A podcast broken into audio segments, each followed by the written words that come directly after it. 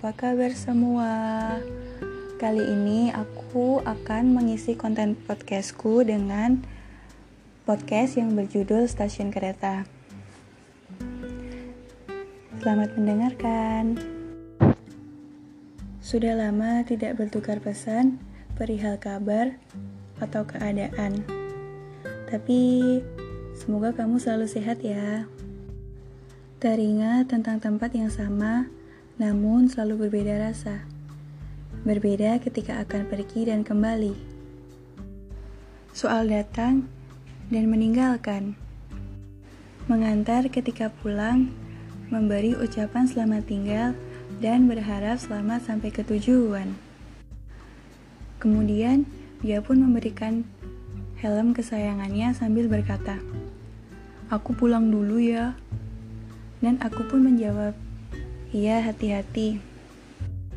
Melihatnya berjalan memasuki stasiun kereta dengan jaket birunya yang menurutku itu kebesaran.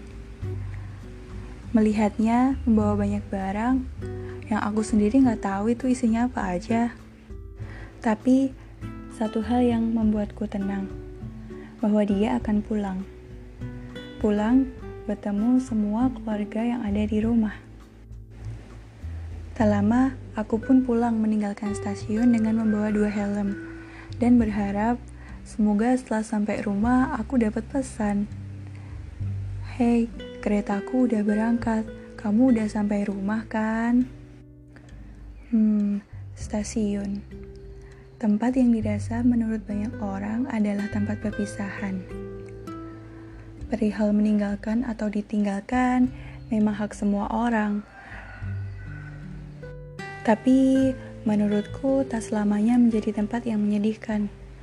Dapat juga berubah menjadi tempat yang sangat menyenangkan.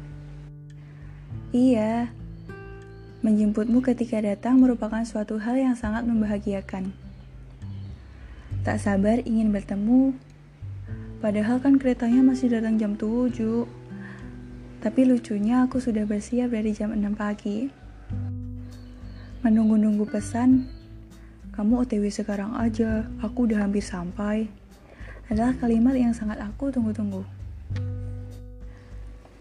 Rutinitasku bertanya, kamu di sebelah mana? Aku tunggu di dekat pintu keluar ya.